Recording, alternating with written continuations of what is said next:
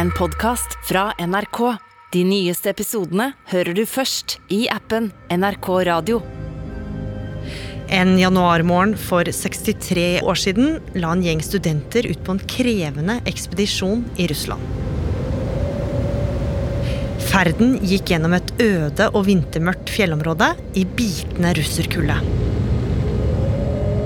Men da den lange turen endelig skulle være over, hadde ingen hørt fra dem. De mystiske sporene turgruppa hadde etterlatt seg, ga grobunn for haugevis med konspirasjonsteorier i mange tiår. In today's episode, the Dial of Pass incident. Igor Dyatlov. Il mistero del passo Dyatlov. For more than 60 years, people have been sharing conspiracies. I think something like 75 in all, including things like alien abduction, that they were attacked by Yetis. But basically, every theory tries to answer the same question What made them leave their tent in the first place? Men for ikke lenge siden kom et gjennombrudd i saken. Mysteriet kan nemlig ha blitt oppklart ved hjelp av den populære tegnefilmen Frost. Do you wanna build a snowman? Hva var det egentlig som skjedde med studentene?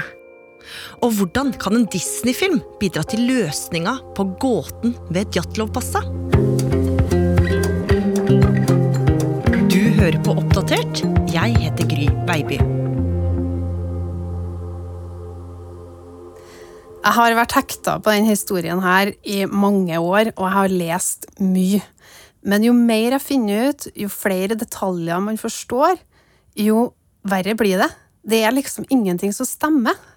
Kaja Kristin Næss er journalist her i NRK. Og når jeg fant ut at en Disney-film kan ha bidratt til å oppklare det som skjedde den gangen, da klarte jeg i hvert fall ikke å legge den fra meg.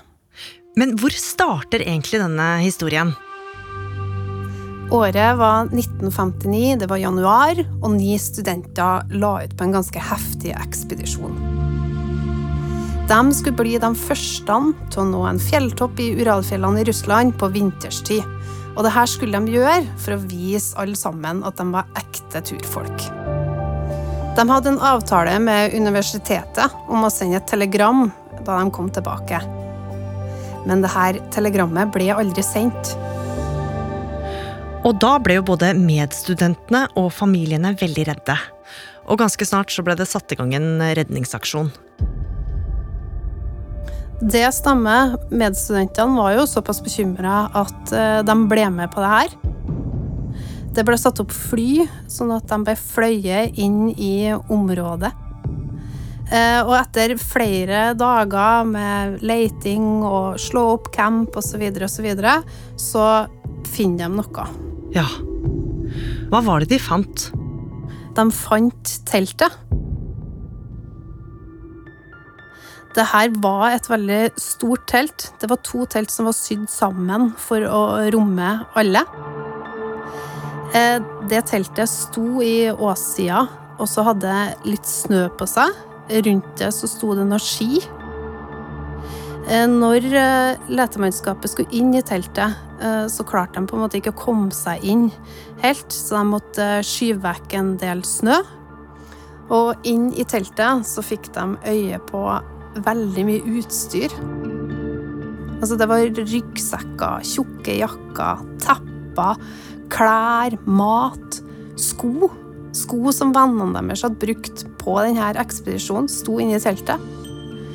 Og når de snudde seg for å gå ut, så så de at teltduken var spjæra. Det var brukt en skarp gjenstand for å på en måte ødelegge teltduken. Men det var ingen spor av vennene deres. Hmm. Så nå hadde de funnet teltet, og der lå jo skoa vennene hadde reist i, igjen.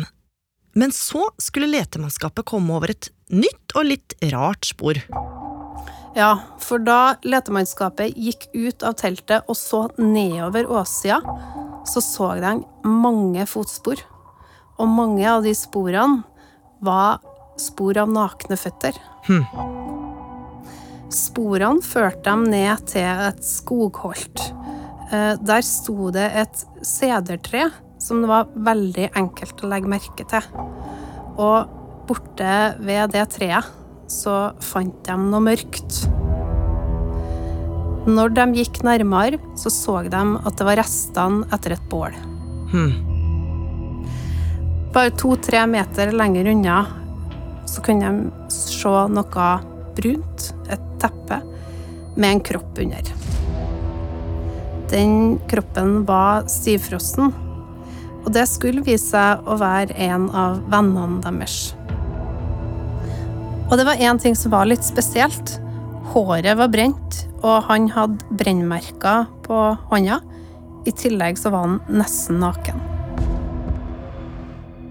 Så sjokket, det var jo stort, for letemannskapene hadde nå funnet vennenes tomme telt, fotspor i snøen etter nakne føtter, og nå liket av en kjær venn. Men det skulle bli verre. For ved siden av ham så fant de nok en død kropp. Ja.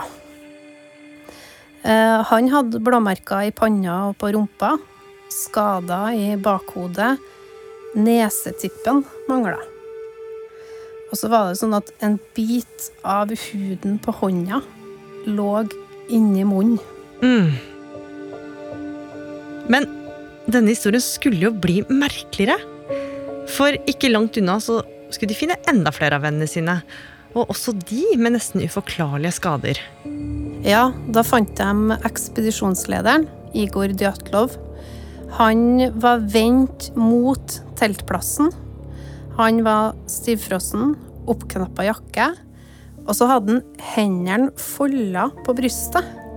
Og hvem er det som dør sånn?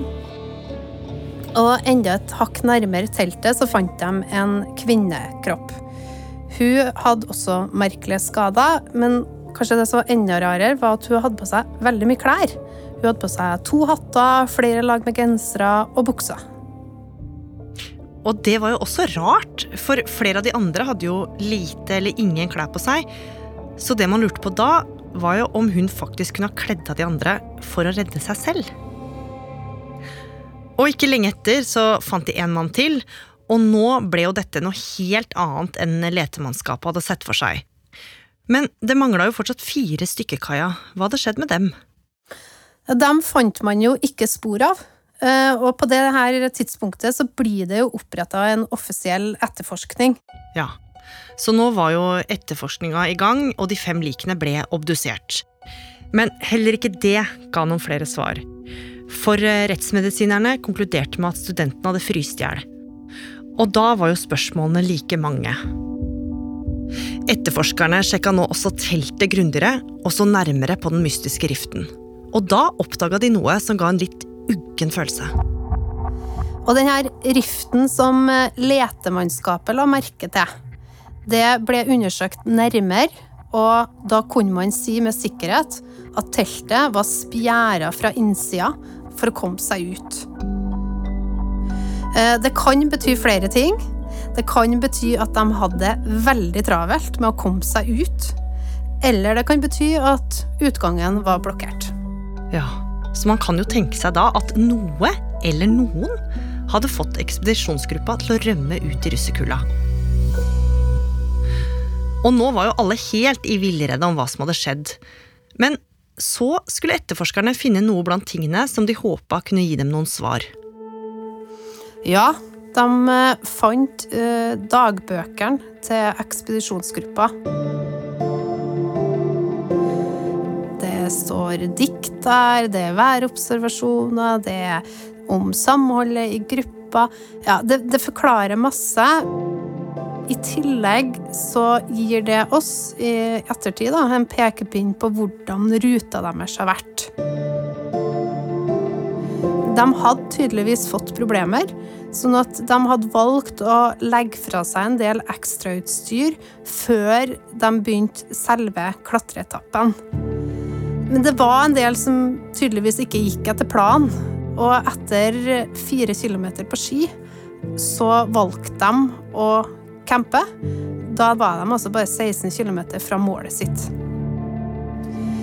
Og så har det kommet mange spørsmål i ettertid. Hvorfor valgte man å campe der? Eh, noen tror jo at det var pga. været.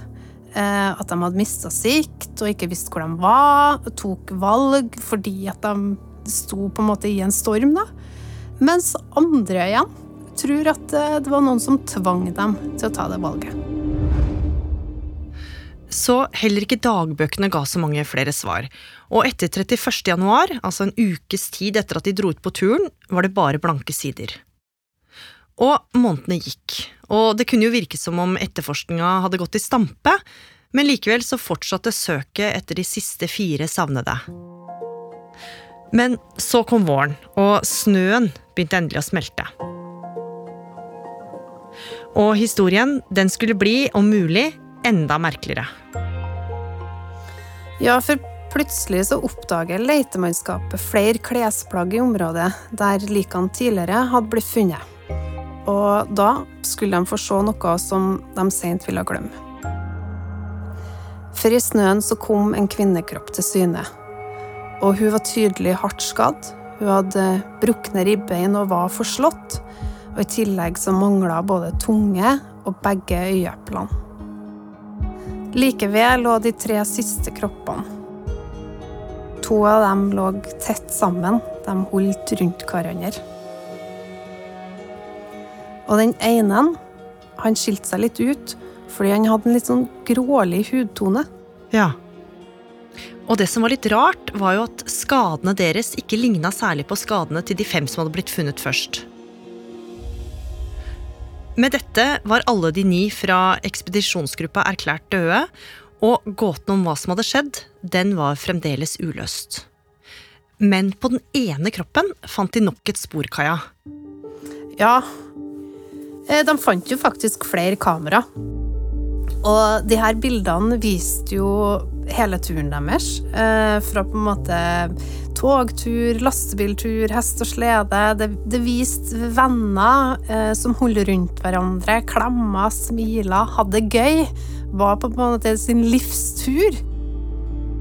Eh, og da de begynte å legge vei på ekspedisjonen sin, så ser man at snøværet drar seg til. Man ser at det blir verre og verre for hvert bilde.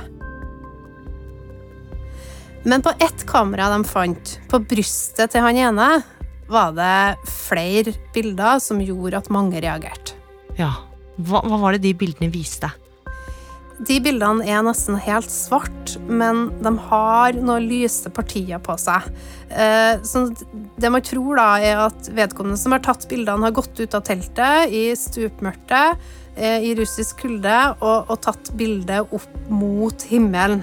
Eh, det, kan se ut som om det ligner noe lysfenomen.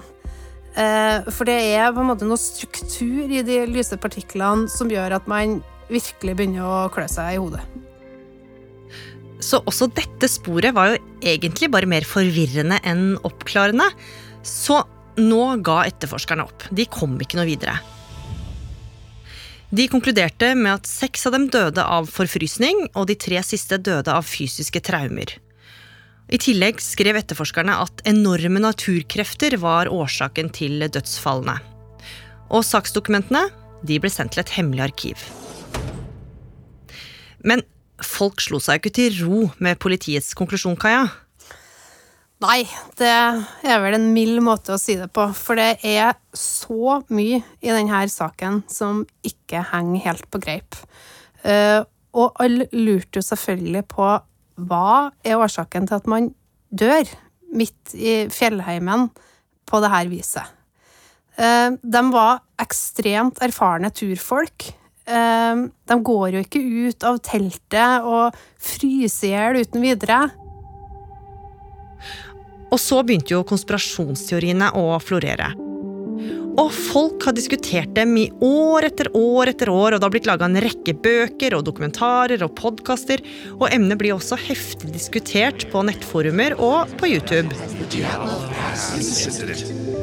There's been a lot of coverage on it over the years, but it's one of those mysteries that is really still unsolved. I mean, there's a lot of theories out there as to what happened to this group of hikers out there in the Russian wilderness.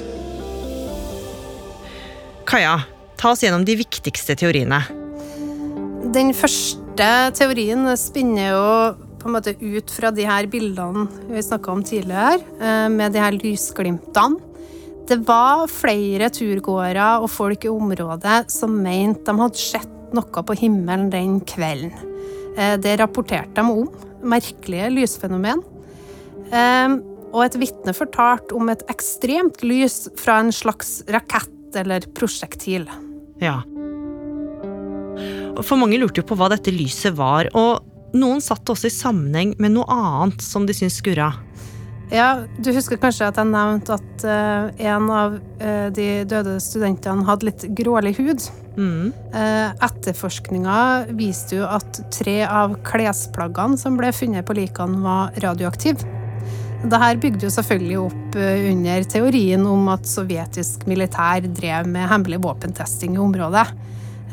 Og den, den teorien har fått et fotfeste. Eh, og så lurer man på da om lysglimtene og radioaktiviteten kunne ha en sammenheng. There were rumors that there was a secret military base nearby to the pass, and the Soviets had tested rockets in the northern Ural Mountains before.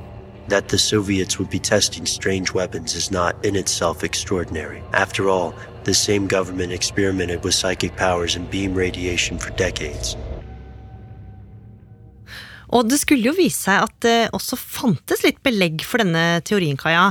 For da russiske myndigheter gjenopptok etterforskninga av denne ekspedisjonen, så ble mange hemmeligstemplede dokumenter frigitt. Og i 2019 kom etterforskningsledelsen med en stor innrømmelse. Это гибель туристической группы Игоря Дятлова. De innrømte at det faktisk var en rakettoppskyting på dette tidspunktet studentene døde, og at det har endt med ei ulykke. Men detaljene er jo hemmeligstempla av Forsvarsdepartementet. Etterforskerne forklarte likevel at det ikke har noe sammenheng med tragedien, for raketten fløy i en helt annen retning, altså mot Kasakhstan. Noen valgte jo selvfølgelig å ikke tro på det her, og finner dermed en forklaring på hvorfor tre av klesplaggene på likene var radioaktive, og hvorfor flere av dem hadde merkelige hudfarger. En annen forklaring på det her med radioaktivitet er jo at flere av mennene i gruppa var kjemistudenter og skal ha jobba på en atomfabrikk. I tillegg så var en av kvinnene i gruppa fra en landsby som var veldig forurensa. Og som i enhver annen konspirasjonsteori er også ufoer en teori her. Altså at disse lysglimtene kunne stamme fra det. Ja, det stemmer. Noen så jo for seg at det var snakk om utenomjordisk aktivitet. Here's a quote from lead investigator Lev Ivanov. Quote, I suspected at the time and am almost sure now that these bright flying spheres had a direct connection to the group's death. End quote. Aliens used a radioactive gravity fluctuation weapon that pulled the hikers from the ground and threw them out of their tent. After the initial blast of the weapon, three of them had died from their injuries, and the rest panicked and fled towards the woods. Ok, så noen forklarer mysteriet med at ekspedisjonsfølget ble offer for en topphemmelig rakettoppskyting, andre igjen skylder på ufoer. Men ingen av teoriene vi har snakka om, svarer jo på hvorfor de hadde kutta seg ut av teltet og lagt på sprang i den bitende kulda nesten uten klær. Og det spørsmålet fører til neste teori. Ja, det er jo noen som tror at det rett og slett måtte ha klikka for dem. Og en mulig teori der er jo at de kunne ha blitt offer for en lavfrekvent lyd. Og det vet vi kan forårsake panikkanfall hos mennesker. Infrasound is sound lower than the limit of human hearing. Studies show it can cause feelings of fear and awe in humans, and also nausea. Infrasound can be caused naturally by severe weather, avalanches, and lightning. Og det her fenomenet da, det oppstår når det er en slags sånn perfect storm. Altså når vinden danner små tornadoer. Og da er det flere som mener at denne lyden og bråket fra tornadoer i et stappmørkt landskap kan vippe de fleste av pinnen. Så er tanken at når de kommer til seg sjøl etter å ha sprunget ut av teltet, så finner de ikke tilbake til teltet og blir rett og slett offer for denne bitende russerkudla. Men det er jo enda flere teorier, Kaja, hvor noen er mindre sannsynlige enn andre. Yeti would be of. Ja, Eh, det er i haugevis og dunger, for å si det mildt. Eh, det er yeti. Det er teorien om at folkestammen som bor i området, eh, har vært der og gjort noe galt. Det er KGB, det er CIA, det er altså Sjalusi. Det fins Ja, det fins ekstreme mengder. Men det er jo en teori som mange har støtta hele tida, og det er jo at det kan ha gått et snøskred. Men også denne teorien var det flere utfordringer ved. For det første, hvorfor var ikke hele teltet begravd i snø? Og for det andre, hvorfor var det fotspor på bakken om det hadde gått et ras der?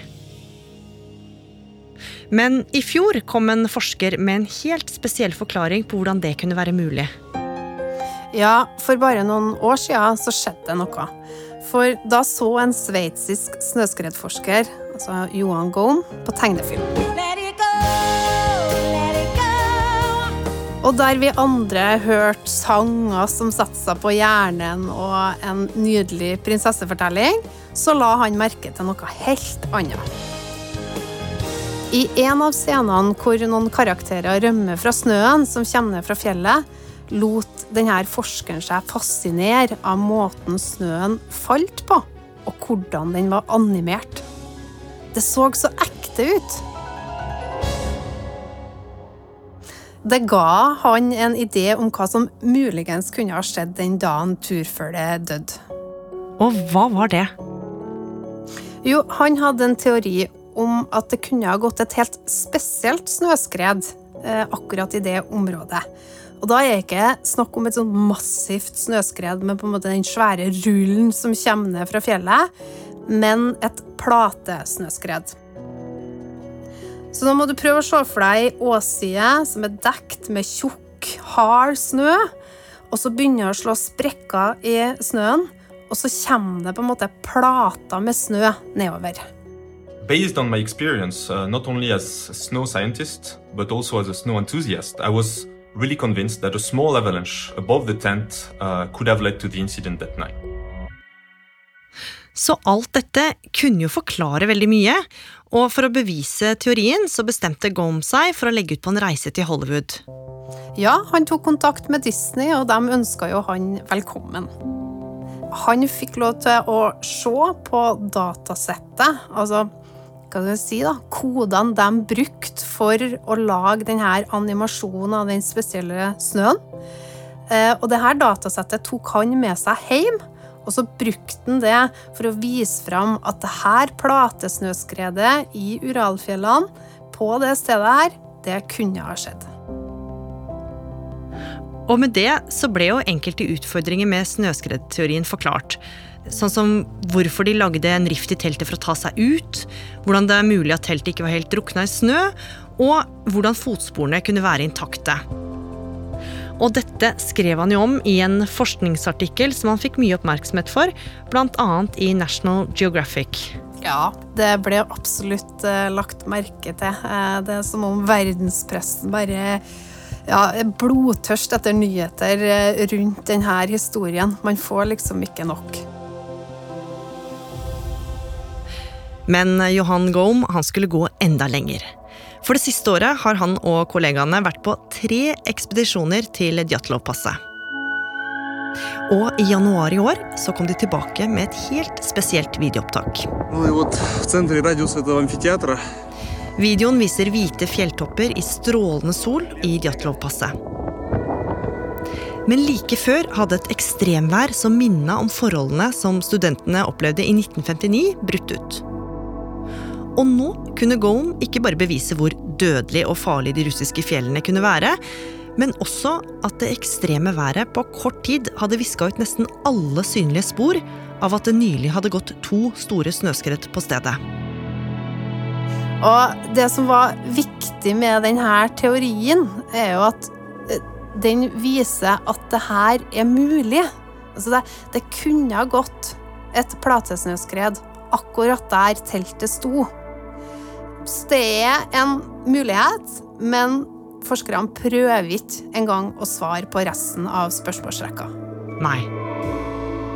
For det er jo fortsatt mange ting som er nærmest uforklarlig, Kaja. Hvilke spørsmål er det som gjenstår nå? Eksempel de merkelige bildene på kameraet. Hva var det? Eh, de radioaktive klærne? Kroppene som har så ulike skader? Så det her er bare et gigantisk puslespill, og mange, mange brikker passer ikke sammen. Så sjøl om den sveitsiske Frost-teorien har veldig mye for seg å svare på en del spørsmål, så er denne saken overhodet ikke ferdig.